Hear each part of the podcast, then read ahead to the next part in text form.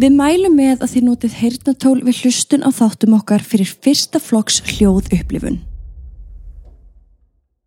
Komiði sæl, ég heiti Katrín Og ég heiti Steppi. og í dag ætlum við að segja ykkur draugasögu. Ef þú ert heima hjá þér að hlusta, stoppaðu þá í örstutastund og líti kringum þig. Líti á öll húsgögnin inn í rýmunu og á alla skrautmununa í hillunum. Hvaðan koma allir þessir munir? Eflust margir úr íkja eða rúmfó, en leynast einhverjar gersemar inn á milli sem þú keftir á netjamarkaði, góða hyrðinum til dæmis. Veistu söguna á bakvið þessa muni?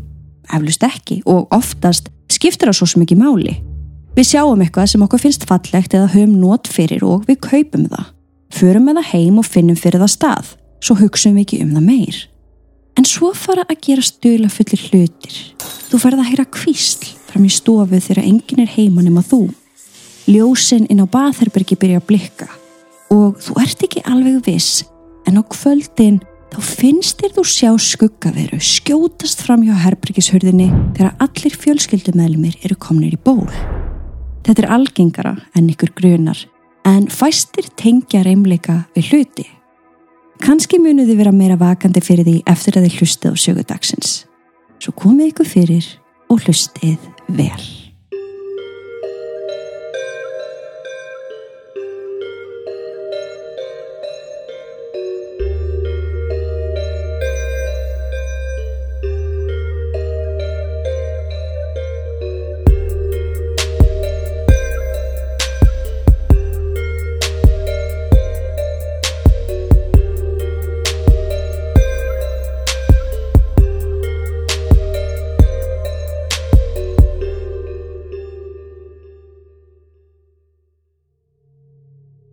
Við viljum minna á að draugarsöðunar okkar eru ekki við hæfi barna yngri en 13 ára nema með leifi fullorna.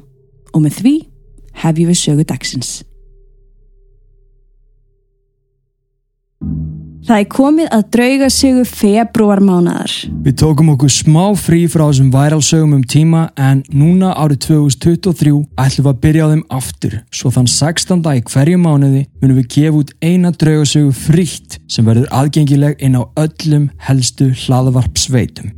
Ef ykkur líkar það sem þið eru að heyra, þá viljum við endilega hvetja ykkur til að skoða heimasíðun okkar draugasögur.com og skoða þar áskriftarleiðirnar sem er í bóði. Þar getið lesið hvað fylgir hverja áskriftarleið og segjum sem svo að þið skráið ykkur í aðal áskriftarleiðina sem er draugasögu kynnslóðin, þá fáið þið strax við skráningu aðgang að yfir 400 draugasögum, viðtölum, rannsóknum, sönunagögnum og alls konar fróðleik.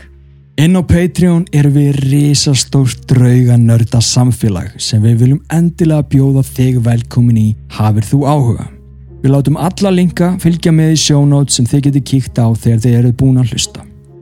Væralsögurnar sem við gefum út mánalega eru ekki alveg jafn langar og áskriftasögurnar sem við gefum út vikulega en þær eru alveg jafn skuggalegar og þær eru allar sannar. Sagan sem við ætlum að segja ykkur frá fjallar um konu sem við munum kalla Linda. Linda var barnasálfræðingur og gift Hermanni sem að þýtti að hann var mikið frá, marga mánuði í senn sem að Lindu þótti alltaf jafn erfitt. Núna á næstu dögum var hann á leiðin í túr sem átt að taka nýju mánuði. Rétt áður en hann fer þá kaupir hann risastórt hús fyrir þau hjónin rétt fyrir utan Boston.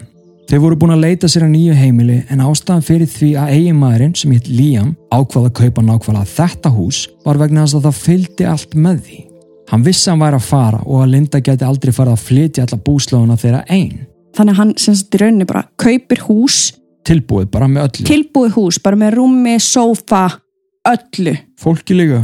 Nei, Engu fólki, Næ, ok. en ég veit ekki alveg hver pælingin að er, hvort þau áttu þá kannski bara enga búslöðu sem þau ætlaði að flytja með sér, hvort þau áttu kannski annað hús einhverstar annar staðar, Já, já. gerir mér ekki alveg grein fyrir því, en þau allavega flytja bara inn í fullbúið hús. Eða hún, kannski. meira kannski hún. Og ég meina Linda var ánægð með húsið en henni leið samt aldrei eins og það væri hennar. Ekkert af hennar hlutum voru þarna inni og þegar hún kerði heim eftir að hafa skuttlað líjam í rútuna þá fannst henni óþægilegt og einmannalegt að vera ein inn í þessu stóra húsi sem hún þekkti ekki neitt. Já, þetta er líka svolítið undarlegt að koma inn í hús þar sem greinilega einhver hefur búið Mm og setið í öllum þessum stólum og Og nú þú búið þar. bara. já, Linda starfaði sem barnasálfræðingur vegna þess að hún elskaði börn. Sjálf hafði hún ekki getað eignast börn. Hún hafði tviðsvarsinnum orðið ólétt en mist í bæði skiptin og núna að þetta í færtugt þá var hún eiginlega búin að gefa upp vonina að hún erði nokkuð tíman ólétt. Hún starfaði heima hjá sér, fóldrar sendi börnin sín til hennar og hún var hansi lungi með þau og hjálpaði mörgum þeirra. En svo um leið og þau fóru var hún aftur einn inn í þessu stóra ókunnuga húsi að borða matarafganga upp í sófa þanga til hún sopnaði út frá sjónvarpinu. Eitt daginn er hún á nýtjamarkaði með Oliver. Oliver er sem sagt bróðinans Liam. Hann hafði líka verið í hernum en var núna í veikindaleifi eftir að hafa slasast í stríði. Hann var giftur en hann hafði alltaf verið taks fyrir Lindu á meðan bróður hans var frá. Í þetta skiptið hafði hún dreyjan með sér á garðsölu skamt frá heimilinennar vegna þess að hann langaði til þess að kaupa eitthvað nýtt inn í húsið. Eitthvað sem að væri hennar. Já, ég veit ekki með þig en ég held að svona garðsölur væri bara frábæra hérna á Íslandi. Getu ekki byrjað öll að vera með svona garðsölur? Bara þú veist í staðis að vera að fara út á sorpu eða eitthvað. Já. Bara hei, þetta verður hérna í tvo Já. daga og svo er náttúrulega einhver verðmæti þá bara er þetta að posta einhverju myndum eða eitthvað. Já, þetta er alveg hugmynd. Sko. Já, mér finnst það gegja. Linda rekur augun í gamaldags fataskáp. Hann var úr við, dökkbrútn og letin með þremur skúfum og skápahurðum þar fyrir ofan. Hann var virkilega fallegur, greinilega hansi gamal en mjög vel með farin. Linda spyr konuna hvað hún vilja fyrir skápin en konan segist ekki vilja neitt fyrir hann. Alltaf dula fullt þegar fólk Mm. gefur mann einhver húsgögn. Hann. Hvað er þarna á bakvið? Mm. Hún sagði við hana að ef hún myndi taka skápin af lóðinennar í dag, mætti hún eiga hann. Ha, Linda og Oliver litu hvort á annað og brosa. Þetta var góður dýl sem þau voru tilbúin að taka. Innst inni þá hjælt Linda samt bara að konan vildi losna við þau. Það var orðið áliðið og þau voru eina fólkið á þessari garðsölu. Svo eflaust vildi konan bara segja þetta gott yfir daginn, ekki neinu stöði til þess að prúta. Oliver hjálpa Lindu með skápin inn og hún kemur hún fyrir inn í svefnherberginu sínu og síðan kveður hann. Þegar hún fer svo að skoða ofan í skúfurnar þá finnir hún gamlan blekpenna, lítinn handspeil og litla nælu. Pínu svona random hlutir sem hún bjóst við að konan sem gaf henni skápin hafi átt en glemt að taka úr. Mm Hún sapnar þessum hlutum saman, setur þá í lítinn kassa og setur kassan svo í aðra komodu á ganginum. Hún hafði hugsað sér að fara með þetta á góðgerðamarkað næst þegar hún átti leið þar framhjá eða bara losa sig við þetta. Já, Um nóttina vaknar hún upp við ofurlátt ískur sem virtist koma úr herberginu hennar. Hún reysir sig við í rúminu, nuttar augun og kveikir á náttborslampanum. Þá sér hún að skápahurðirnar voru gal opnar. Henni fannst þetta skrítið, hún var vissum að hún hafi ekki skilið við þar svona, en hún var þreytt. Svo hún stendur upp, lokar þeim, leggst aftur upp í rúm og sopnar. Já, ætlum hafi verið í þeim hugleggingum að reyna að finna einhverja eðlega útskýringa á þessu. Ég held bara að maður sé kannski ekkit endilega að spá allt og mikið í þessu. Nei, ég held að, Ég, þú veist, ekki að fyrsta sem hún hugsar sé jú, kannski samt að þú ert einn. Að þú byrðið Já, einn. kannski. Já, Þú veist, ég held að ég og þú, við myndum kannski bara horfa og hugsa, "Ah, ok, steppi var örgla vakandaðan eða eitthvað sem því snúið mig við. mm En hún býr einn, það er rétt. hún veit Já. alveg að, já, ég veit Ok. það ekki. Þremur dögum setna, þegar hún er niður í eldúsi að borða, þá heyrir hún skyndilega í einhverjum hlaupa um á efrihæðinni og samhliða því heyrir hún barnahlátur. Hún styrnar upp og hugsa með sér að hún væri eflust að missa vitið. Hún var sálfræðingur, hún vissi hvað hugurinn gat gert þegar hann var undir streitu og hún var sko sannarlega búin að vera undir mikilli streitu eftir að Líam fór ein inn í þessu stóra húsi. Skiljanlega. Hún fer inn á baðherbergi, skvettir köldu vatni framann í sig og manar sig til þess að fara upp á efri hæðina til að aðtuga málið. Hún tók eitt þrep í einu og á meðan hún gekk upp, heyrið hún þennan barnahlátur. Hann var mjög lár en hann var greinilegur. Þegar hún var komin upp þá snýr hún sér að svefnherberginu og sér þó strax að skápa hurðnar voru opnar. Aftur. Nákvæmlega eins og þær höfðu verið nóttina sem hún vaknaði. Hún gengur að skápnum, lítur í kringum sig og það lættist að henni svo hugsun að mögulega væri einhver inn í húsinu með henni. Einhver sem hefði náð að smikla sér inn á meðan hún var út í búð fyrir um daginn. Eftir að hafa litið í öll horn og meiri segja undir rúm, Þó fer hún að skápnum til þess að loka en þá allt í einu byrtist henni þessi ungi drengur lengst inn í skápnum og hann starði á hana. Linda hrópar upp yfir sig, skellir skápahurðunum og hleypur aftur niður og ringir í Oliver. Oliver mætir á svæðið, hann leitaði í húsinu hátt og látt en hann fann engan. Það var engin lítill strákur í skápnum en Linda vissi nákvæmlega hvaða var sem hún hafði séð. Þau setjast niður saman á verundina fyrir framann húsið og Linda fyrir að segja Oliver hvernig strákurinn hafi letið út. Hann var hvítur, mjög fölur, með dögt skítugt hár sem að lág fram á ennið á honum og hann var grannur með brún augu, klættur skítugum fötum. Eflust ekki mikið eldri en 12 ára. Oliver hlustar og greinlega trúir henni og hann meira segja að opna sig og segir frá því að hann sjálfur sjáistundum hluti sem hann kunna ekki skýringu á.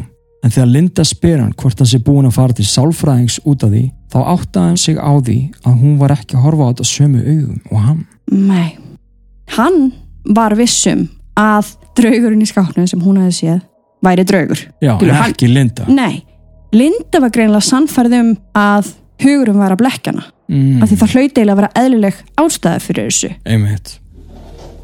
Hún byður Oliver um að fjarlæga skápina af heimilin hennar sem að hann gerir og eftir það var hún ekki verið neitt.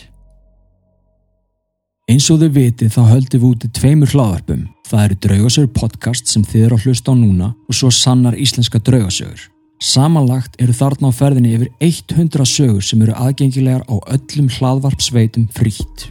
Þið hafi líka eflust tekið eftir því að auglýsingar er í algjöru lámarki hjá okkur.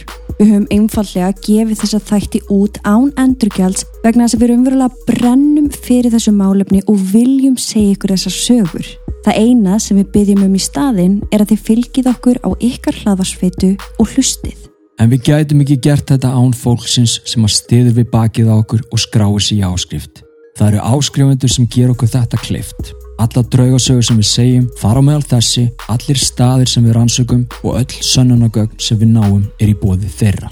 Við munum halda áfram að gefa ykkur sögur eins oft og við mögulega getum og á sama tíma vonum við að þið haldið áfram að skrá ykkur í áskrift til þess að styðja við hlaðurpun okkar og auðvitað fá aðgangað fullt af draugasögum, rannsóknum, viðtölum, sönunagögnum og ég veit ekki hvað og hvað. Kíktin á patreon.com skástrygg draugasögur og skoðaði áskriftarleðarnir sem eru þar í bóði. Engin binding og þú fær aðgang af öllu efninu strax við skráningu. Sex ár liðu og á þessum sex árum varð Linda ekki vör við neitt. En hún varð vör við kraftaverk reyndar vegna þess að hún eignaðist barn. Þegar hingað er komið þá er sonur hennar Nóa að vera 5 ára gamall og Liam er farin í sinn seinasta túr sem átt að taka 6 mánuði. Síðan var hann hættur. Þessi fjárvera tók mikið á bæðu Lindu og Nóa en þeim leið báðum vel í húsinu sem hafði hægt og rólega orðið þeirra með nýri málingu og nýjum húsgögnum. Mm Nefna svo gerist það, fyrstu nóttina eftir að Liam er farin, þá vaknar Linda upp við rödd. Það var einhver að tala fram á gangi og hún þekkti þessa rödd strax að því þetta var sonur hennar sem átti að vera sofandi inn í herberginu sínu. Hún fer út úr herberginu, fikra sig í áttina steganum og þar sér hún Nóa standa í efstu tröppunni og stara niður og hann er að muldra eitthvað. Hann er að segja eitthvað aftur og aftur. Þegar hún er komin alveg við hliðans reynd hún að ná sambandi við hann en það var eins og hann tæki ekki eftir henni. Hann endur tekur í sífellu setningarnar. Hann klóraði augun mín. Þetta átti bara að vera stríðinni.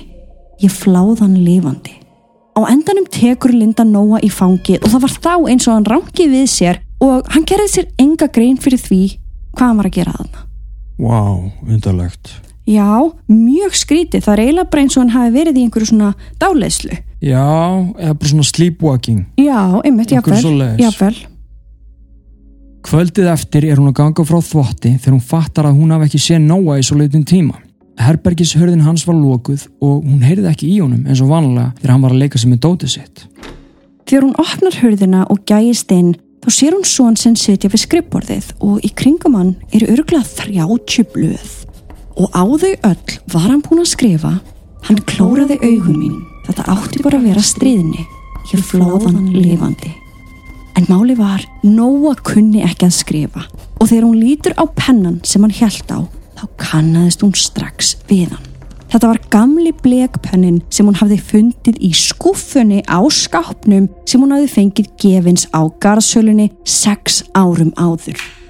Hún hrifsar pennan af honum og í sömu andra á ítir drengurinn stólnum frá skrifborðinu og hann hleypur inn í skápin sinn. Linda fyrir á eftir honum og inn í skápnum hliðin á síni sínum sér hún litla kassan með öllum þessum random munum sem hún hafi fundið í skuffunni í gamla skápnum. Hún hafi verið búin að gleima þessum kassa sem hún hafði alltaf að losa sig við en sonur hennar var þarna búin að finna hann. Hún átti mjög erfitt með að finna eðlilega skýringu á þessu atviki og hún sá að sonur hennar var mjög hrættur og hann átti erfitt með að muna eftir því sem hann hafi verið að gera. Svo hún ákveður að fara aftur til konunar á garsölinni og spyrja hana út í hann skáp. Og hvað haldið þið? Öfutað er hörmuleg saga á bakveðan. Við höfum frá upphafi séð til þess að hlustendur fái fyrsta flokks upplifun í þáttum okkar með hljóðgæðum á heimsmæli kvarða. Það er mikill tími sem fyrir rannsóknarvinnu, skrif og eftirvinnslu, myndakápur og myndbönd. Við eigðum ekki þínum verðmæta tíma og komum okkur alltaf beint að efninu. Þeir sem hafa séð sjónvastættun okkar eru hungraðir í meira og því erum við með gríðalegt sapn af vefþáttum úr rannsóknum okkar bæði hér á landi og Erlendis. Sönnunargögnin úr ferðum okkar hafa fengið hörðustu evasendamenn til þess að hugsa sér tviðsvarum. Svo kontu og vertu með. Það er engin binding og yfir 400 þættir sem býða eftir þér og margar klukkustundra afþreyingarefni inn á patreon.com skástrygg draugasögur. Þið sem hafi verið með okkur í fjölskyldu dýnamíkinni þar vitið að draugasögur eru svo sannarlega miklu meira en bara hlaðvarp.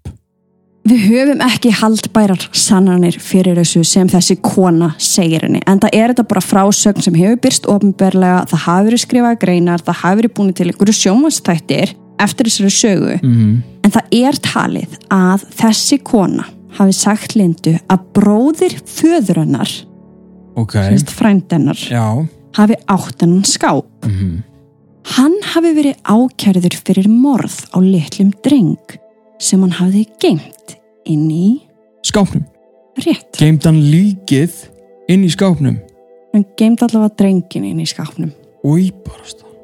Og þessi penni sem að fannst í skúfunni, hann ávist að hafa verið pennin sem hann skrifaði játninguna sína með þegar hann loksins játaði á sig þetta morð. Mm Þessi kona hins vegar helt fram sakleysans en Linda fór á stúfana og hún er í dag fullvisum að maðurinn hafi raunverulega myrt hennan dreng og að hann hafi líklegast geimt hann inn í skápnum sem að hún fór með inn á heimili sitt Ég á ekki til orðs. ég veit það, og þó að hún hafi vissilega verið búin að losa sig við hann þá voru þessi munir eftir heima hjá henni En vitum við hvað hún gerði við skápin? Fór hún bara að hauga Hauga hana bara. Já, ok.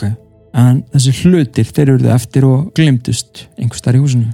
þeir glimtust, þannig að það er alveg spurning þarna hvað er í gangi? Já, það geti náttúrulega verið að ég veit ekki hvort að þessi morðingi hafi það orðið eftir, hvort að drengurinn hafi orðið eftir. Ég veit ekki, einhvers konar orka þeirra begja eða af þessum atbyrði það er einhver slæm orka þarna Mhm. sem er að hafa áhrif á drengin einhver slæm orka sem að tengist þessum penna sem tengist Mhm. öllu þessu dóti eflaust Já, og svo er núna komin annar ungur strákur. Já, og þá virkast eitthvað. Já, eftir þetta brendi Linda kassan með pennanum og öllu hinu dótunni í Eftir það varð sonur hennar ekki fyrir frekara aðkasti og mér finnst líklegt að sjóndildarhingur Lindu hafi vikast aðeins eftir þetta. Kanski eru ekki skýr sálfræðileg svör við öllu sem við sjáum, upplifum eða finnum. það er rétt Við kannski mælum ekki endilega með því að kveikja og brenna svona hluti en það hefur greinilega virkað í hennar tilfelli Já, sem betur fer ég hef mitt hugsaði það líka. Ég var bara, nei, það er ekki leiðin. En, en ok, svona tilfelli er alveg til. Veist, við erum að verða fyrir áhrifum af orkum í kringum okkur stanslust. Við bara stundum gerum okkur ekki alveg grein fyrir því. Rétt. Við viljum endilega nota tækifæri til að minnast á annað hlaðvarp sem að fyrirtækið okkar Ghost Network er að framlega. Það hlaðvarp heitir Sannar Íslenskar draugasögur. En þar fyrir við yfir aðsendar sögur frá hlustundum og allt er þetta atvik sem venjulegt fólk eins og ég og þú hefur lendi hér á Íslandi. Það eru 24 þættir aðgengilegir á öllum hlaðvarpsveitum og ef að þið langar í fleiri þá bjóðum við nú upp á áskriftalegi til einhver þeim þáttum. Endilega, ef þú ert ekki búin að hlusta á fríu þættina, gerðu það þá núna. en linka áskrifta síðana getur þú svo fundið í notes. Ef þú hafðir gaman af þessari sögu, draugur sögumánarins, endilega fylgd okkur á þinni hláðarsveitu, gefð okkur 5 stjórnir á Apple Podcast og segðu öðrum frá. Það er fullt af fólki að nútið sem veit ekki á okkur en gæti haft gaman að sögunum okkur. Aftur, þetta eru 24 frýir þættir af sönnum íslenskum draugasögum og 91 frýr þáttur af þessu hlaðarpi, Já. draugasögur og það er aðgengilegt öllum. Í lokin viljum við hvetja þið til að fylgja okkur á samfélagsmiðlum og fylgjast vel með næstu daga af því að við erum að byrja með nýtt, dularfullt og blóðugt hlaðvarp núna 3. mars sem verður aðgengilegt fyrir alla sem þið viljið alls ekki missa af. Takk fyrir að hlusta og þanga til næst.